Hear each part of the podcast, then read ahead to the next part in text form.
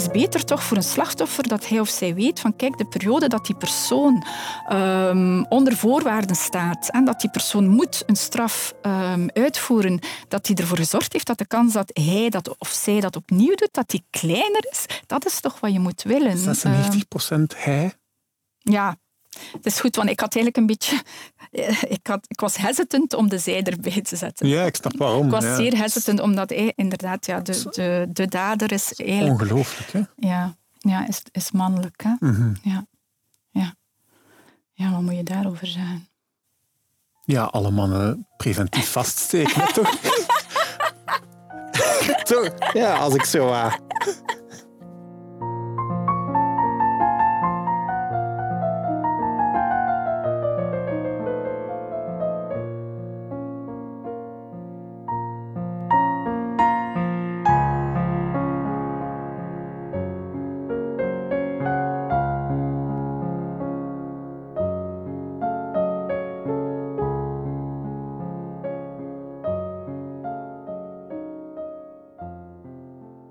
heb bepaalde standpunten over dingen en die komen niet altijd overeen met, met de meerderheid standpunten. Mm -hmm. Zeker aan mijn vrijwilstandpunt, denk ik, is niet zo geliefd uh, bij nee. veel mensen. Nee, nee, dat ben ik vrij zeker. Hoe zou je dat zelf um, eigenlijk samenvatten, uw vrije wilstandpunt? Uh, ja, ik heb erover nagedacht van hoe zou ik het, hoe zou ik het stellen, want soms zeg ik het gematigd en, en soms zeg ik het veel minder gematigd. Misschien maar, moeten ze alle twee zijn. En dan ah, ja, we... ja.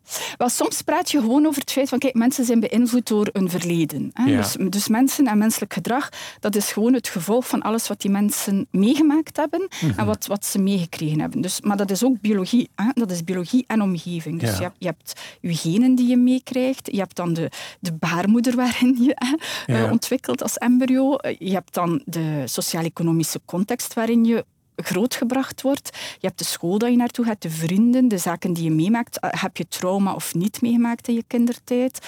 Al die zaken beïnvloeden ons en zorgen ervoor dat we meer um, ja, in één richting of een andere richting zullen gaan qua gedrag. Mhm. Um, veel mensen vinden dat beeld vrij aannemelijk. Nu, dan gaan ze wel zeggen, maar ja, wat is bepalen? Um, ja, is, is dat zoiets van, uh, ja, voor, voor 60% of zo wordt Ja. dat dan beïnvloed door die omgeving en door diegenen? En dan is er nog speelruimte van ja, um, de wilskracht van de persoon of, of um, ja, gewoon, ja, eigenlijk gewoon wat een persoon is, zorgt ervoor dat iemand Mhm. rechts of links kiest, bijvoorbeeld. Ja. Um, maar ja, zo zie ik het natuurlijk niet. Want hoe ik het uiteindelijk zie, is er is geen vrije wil. Mhm. Dus de mens, hoewel we de ervaring hebben van kiezen en Mhm. hoewel we da daadwerkelijk kiezen, alle dagen, continu. Hè? Ga ik Mhm. thee drinken of koffie, maar ook natuurlijk veel zwaardere beslissingen. Ga ik moraalwetenschappen studeren of ga ik economie studeren? En dat is een Mhm. keuze waar ik voor gestaan heb, bijvoorbeeld. Of ga ik rechten studeren? Ik heb Mhm. mij van al die, keuze, al die- al die zaken over nagedacht en uiteindelijk één beslissing genomen. Maar vanuit mijn visie had ik maar één beslissing kunnen nemen. Ja. Dus ik heb moraalwetenschappen gekozen toen. En dat was ook niet mogelijk voor mij, gezien wie ik was. Gezien de context waarin ik leefde, gezien mijn opvoeding, gezien mijn, mijn psychologie en hoe ik denk toen Mhm. als 18-jarige, was, was er geen andere mogelijkheid dan dat ik moraalwetenschappen zou studeren. En zo denk ik eigenlijk na over alles in het leven. Dus dat betekent ook dat de morele schuldvraag dan Ja. onder vuur voor een stuk komt te liggen. Omdat we vinden dat iemand die een moord heeft gepleegd daarvoor, daar, als je dat doorredeneert, daar niet voor echt voor gekozen heeft om dat te doen, maar door omstandigheden toegebracht is om dat te doen. Wel, je kan natuurlijk kiezen gebruiken in twee, twee, eh, op twee manieren. Hè. Mhm. het, is, het is hoe je kiezen definieert dat, het, Ja. dat ik ja of nee zou zeggen op die vraag. Mhm. In een ervaringsbepaalde zin heeft hij natuurlijk gekozen hè, om, Ja. Die, om die moord te plegen. Maar als het gaat in de meer ultieme zin van hoe verklaar je het feit dat die persoon die moord gepleegd heeft, dan Mhm. leg ik dat niet zomaar bij die persoon zelf als Ja. individu. Ik leg dat met... ehm, Maar niet zomaar, gewoon niet. Goh, wel ja, waar ze eigenlijk naar op zoek zijn in het vrije wildebat, is, zo, is, is verantwoordelijkheid leggen bij iets dat, dat losstaat ergens van die factoren die ons beïnvloeden. Ja. Zowel innerlijk als van, van buitenaf zijn er duizenden die factoren die ons beïnvloeden. Maar waar ze naar op zoek zijn dan, binnen dat vrije wildebat in de filosofie, is van, ja, daarbovenop is er iets toe te schrijven aan de persoon zelf, dat ervoor zorgt dat wij die persoon mogen schuldig achten. Ja, ben ik hier raar dat ik, als je dat aan het zeggen zit, ik zo wat, dat ik zo wat, gewoon, u niet, er is geen vrije wil. Ik zo denk, ja, nee, tuurlijk niet. En, Ah nee, u bent daar niet raar in. Ja. Nee, nee, nee. Het feit dat we op zich gedetermineerd zijn, dat is voor veel mensen niet minder lastig. Ehm, Ja. maar, maar voor sommigen wel hoor. Elk jaar zijn er studenten die dat heel moeilijk hebben. Die tot dan eigenlijk, tot dan ze in mijn vak komen, echt heel overtuigd zijn van nee, maar de mens heeft vrije wil. Een persoon heeft vrije wil.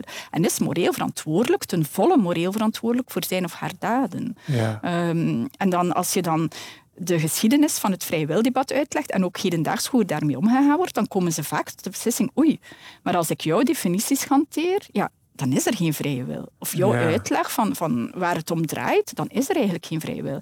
En die dat dan heel confronteren en heel moeilijk vinden, toch. Ehm, maar al- als u zegt van, van voor mij is dat niet con- confronterend of niet vreemd, ehm, in welke zin is dat dan niet vreemd? Dat voelt mij zo logisch. Logisch, ja. ja. Van, ja, zoals dat je zegt, zo, je, je je wordt door zoveel dingen beïnvloed. Je weet ook zelf niet echt waarom dat je koffie of thee kiest. Ik vind, Ja, de, de, de tijd Ja. stroomt door u en de Ja. wereld stroomt door, Door u. u. En dat, dat voelt een, een... Ja, dat voelt logisch. ja. Ja. ik denk dat... Ja, Ik zou denk- niet weten als je denkt van er, er staat iets, het- er wordt op zoek gegaan naar iets dat losstaat van al die. Ik denk zo, maar, maar hoezo Wat staat er los? van, Ja. los van, Absoluut, als- hè. los van alles bedoelt je? Dus zo ja, een- ja, dat lijkt mij bijna een zoektocht naar een ziel of zo. absoluut. Hetzelfde absoluut. soort, ja, niet, ja, ja. dan kunnen we met kans zien wat er niet ergens zo... Nee, in een vacuüm, zo'n ja, klein bolletje Het roept zweeft. dualisme terug in de wereld. Ja, hè? ja. Absoluut, ja. En, en dat is dan ook waar sommige mensen denken van e- eigenlijk dat vrij wildebat is dat niet een beetje achterhaald, want je zoekt eigenlijk naar een soort soul of, of naar Mhm. zo een... een ehm, in, in het debat noemt dat dan een accausale veroorzaker. Iets dat dus eh, impact Mhm. Ja. geeft op de wereld, maar, maar wel... niet beïnvloed kan worden. Ja, vanuit zichzelf. Dus zichzelf veroorzaakt om een bepaalde impact te hebben op de wereld. Dat is een mooie, mooie term. Ja? Accausale Wel, veroorzaker. Ja, dat is Ja, een coole term. Ja. Alleen, dat kan alleen hot zijn, hè? een Ja, ja, ja, daar zat ik ook aan te denken, ja. ja, ja, ja. Dus ja, ik krijg dan soms wel de kritiek hoor. Allee, dat debat is toch met iets heel vreemds bezig. Dat is met iets bezig dat we eigenlijk wetenschappelijk niet kunnen bevatten. Allee, of dat waarvan dat we weten dat het in strijd is met onze wetenschappelijke kennis. Mhm. dus, dus waar zoek je eigenlijk naar? Ehm, ja, en dan moet je eigenlijk naar de uitleg komen dat de relevantie van morele verantwoordelijkheid. Dus waarom voilà. is vrij wil belangrijk? Omdat het natuurlijk voor veel mensen een justificatie is voor die morele verantwoordelijkheid. En als Mhm. je niet lang, als je zegt van kijk, maar het soort vrije wil dat morele verantwoordelijkheid kan justificeren, is eigenlijk iets dat we hoogstwaarschijnlijk niet hebben Mhm. als mens, ja, dan vervalt ook die, die morele Dat verantwoordelijkheid. vroeg ik mij een beetje af voordat, we, voordat ik naar hier kwam. Was zo, we, we kunnen het gesprek van, van onderuit of van Ja. bovenaf beginnen. je kunt van bovenaf beginnen Ja. in een vrije wil en dan is dat heel filosofisch vuurwerk, heel plezant. Hè? Daar niet van. Of je kunt beginnen met, en dan zocht ik het op, ik denk een 10.000, 11.000 mensen die in de gevangenis zitten in, Ja, ja, in eh, België. ja. Met zelfmoordcijfers die drie keer zo hoog zijn als de mediaan in Europa. En dan denk je, ja, dat is wel... En zo van, vanuit die context snap ik het meer. Dat als je zegt... Het heeft gewoon ook praktische gevolgen. Zo. Ja. Die, Ja, ja. Het, eh. retributieve denken eigenlijk heeft praktische gevolgen. Of, of, wat bedoel je met het retributieve denken? Ah ja, het, het, eh, voor mij is dat het vergeldingsgerichte denken, maar het is wel een, een proportioneel vergeldingsgericht denken. Ja. Dus de, de, de dader die iets doet, die leed toevoegt aan een slachtoffer en de maatschappij, die moet dan op, door zijn straf op, op de een of andere manier hetzelfde leed teruggedaan worden. Dat Ja. is wanneer we spreken over een retributieve straf. Ja. Ehm, en dat is een straf die volgens veel filosofen eigenlijk enkel en alleen kan verdedigen vanuit het oprecht geloof in morele verantwoordelijkheid en morele schuld. Maar als je daar tegenover plaatst van ja, maar de mens heeft volgens ons hoogstwaarschijnlijk geen vrije wil.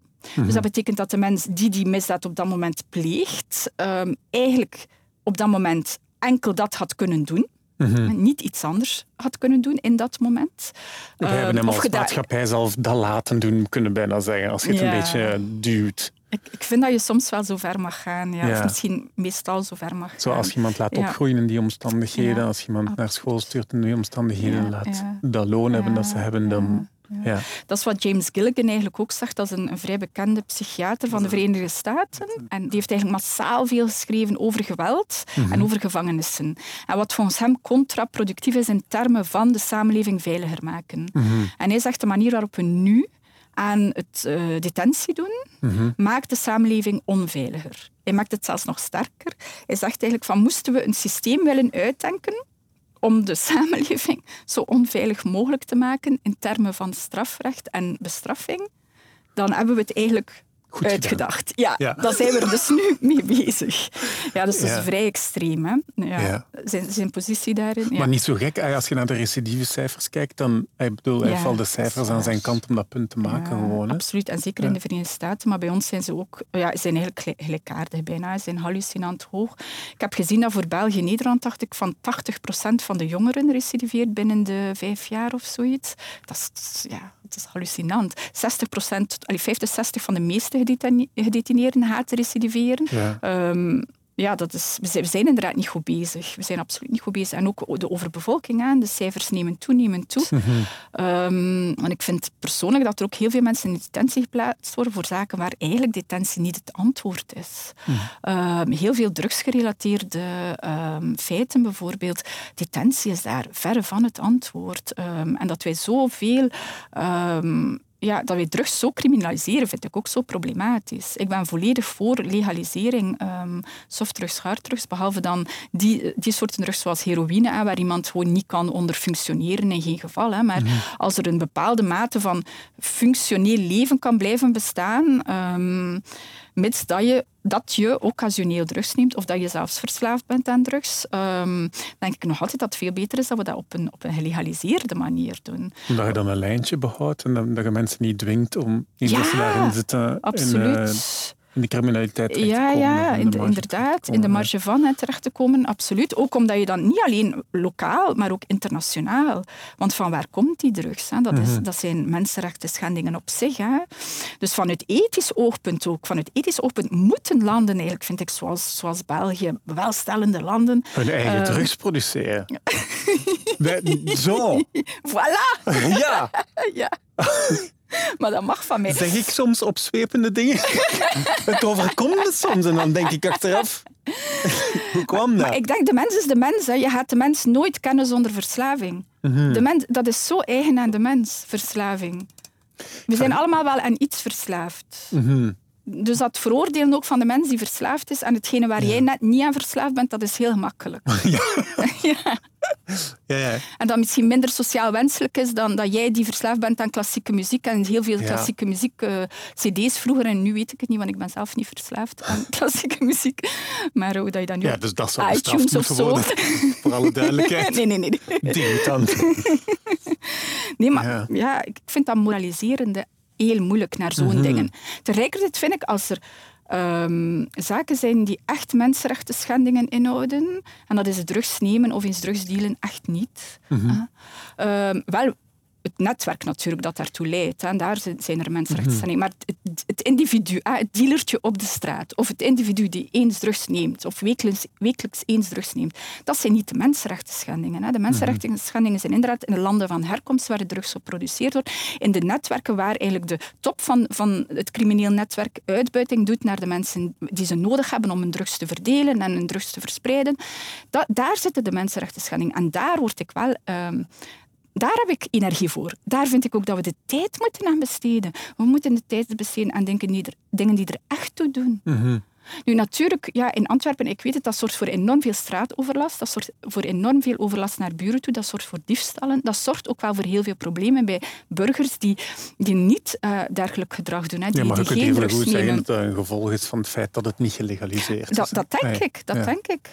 Nu ja, in Nederland is bijvoorbeeld dan softdrugs wel gelegaliseerd en dan zie je toch ook in de centra waar dat, Mhm. dat dan verkocht wordt, dat je toch ook wel wat meer kleine criminaliteit ziet. Mhm. Uh, maar volgens mij kan dat dan ook weer wel aangepakt worden en is dat inderdaad meer manageable. Um, ik heb zowel het gevoel dat u heel hard ook mijn visie een beetje meedraagt. Of is dat toevallig? Of... Als het over het legaliseren gaat Ja, van drugs ja. en van klassieke muziek, dan ja. ja, dan wel. Hey, ik zit, ik zit ja. te denken dat het... ehm, Omdat ik krijg heel weinig eh, tegenspraak daarin. ah, ja, ja, dat gaat bij mij daarop niet vinden. Nee, nee, ik, ik snuif elke dag koken. Het is, koren op mijn om, molen. om deze podcast te Om kunnen te doen. kunnen doen. Het is Ja. zo eh, Ja. stresserend elke het dag. voor mij. Ja, ja, ja. Ehm, nee, ik, ik, ik, ik zit te denken aan het... het, het, het ehm, je noemt het zo... Het, het, het veroordelen van de verslaving waar dat je zelf geen last van hebt. Ja, ja, ja, ja. Maar ik zat daarvoor te denken aan... Uh, ja, zo het...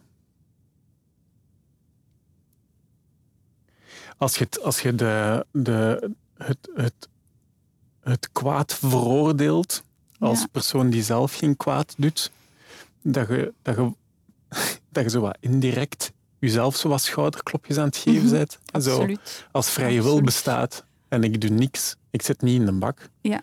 Ja, goed Good gedaan wel. Ja. Nee. ja, ja, pluim. Ja, absoluut. Een upstanding citizen. Het is ook niet dat, dat mijn leven zo gemakkelijk was. Weet je? Ja, ja, voilà. Ja. En jij toch. en, en, jij doet toch. Je blijft uit de gevangenis. Inderdaad. Wauw. voilà. Goed gedaan. Ja. Mm.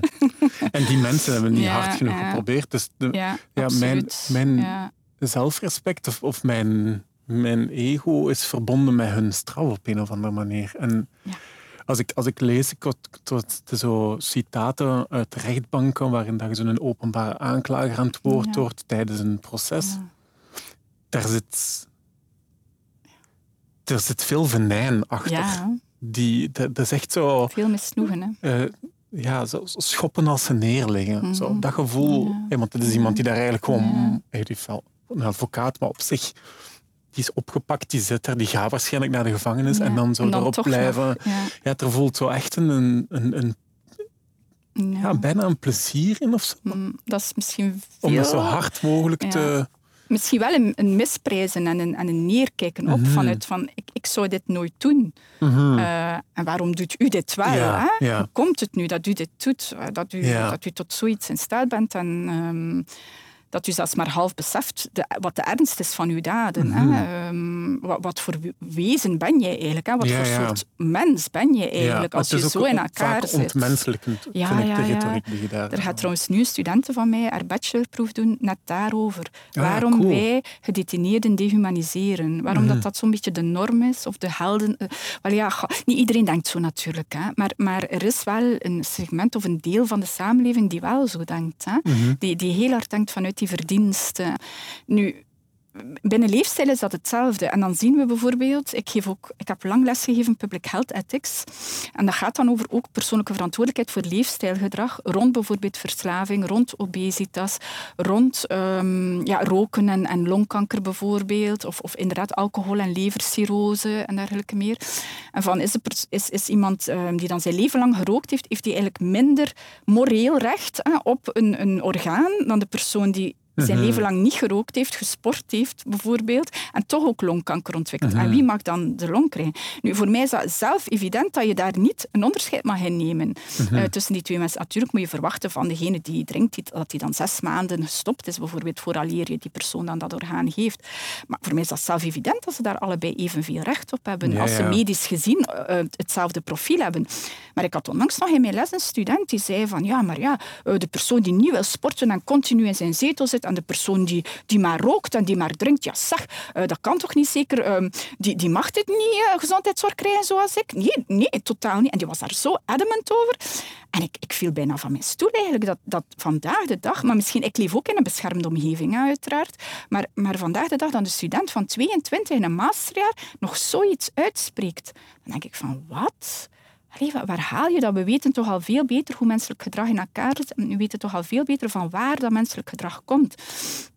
En als je dan een beetje dieper kijkt ook, hè, welke gedragingen gaan we stigmatiseren en welke gedragingen gaan we zeggen, ja, daar mag de ziekteverzekering niet voor terugbetalen. Dat mhm. zijn de, de, de, gedragingen die we niet graag hebben, daar, waar we op neerkijken. En we kijken eigenlijk neer op iemand die overgewicht heeft en die mhm. niet kan die extra kilo's kwijtraken. We kijken neer op iemand die niet voldoende sport en mhm. daardoor, eh, weet ik veel, um, ook, ook ziek wordt. We, we, ja, ik, en ik vind dat zo moeilijk om, dat, dat wij zo in elkaar zitten, of dat er veel mensen zo in elkaar zitten. Maar er is, alles is persoonlijke verantwoordelijkheid dan. Ik bedoel, als je kiest om te gaan skiën en, en je breekt je been, dat zijn extra kosten voor de gezondheidszorg. En dat zijn extra middelen van onze samenleving die je gebruikt. Je hebt een verpleegster nodig, je hebt een arts nodig, uh, je hebt iemand nodig die je verzorgt. Uh, in, in, ja, dat zijn kosten van... Waarom mag dat dan wel? Waarom gaan we tegen niemand stigmatiseren omdat ze gaan skiën? Omdat ze geld kosten aan de gezondheidszorg. Omdat ja, skiën, wauw, die gaat gaan skiën. Wow, topsport. Um, ja, maar, maar het is toch waar, hè? dat wordt dan als, als wauw gezien. Hè? Ik ga mhm. elk jaar gaan skiën, kijk eens naar mij. Uh, ik ben nooit gaan skiën. Het is gelijk zo'n heel... Ja, misschien is het misschien is het een vooroordeel van mezelf. ja. maar het is met andere gedraging ook. Als je vindt dat we mensen moeten verantwoordelijk houden voor bepaalde gedragingen, ja, dan, is het dan moet je ze voor alles verantwoordelijk houden. En dan wordt het absurd. Het, het, voelt zo'n beetje als een heel dure verpakking voor een, eigenlijk een heel smerig productje. Zo. Maar ja, je hebt gelijk. Ja. ja. Dank u. Dank u. Ja. Maar, ik, maar, maar zoveel mensen zijn het oneens hè?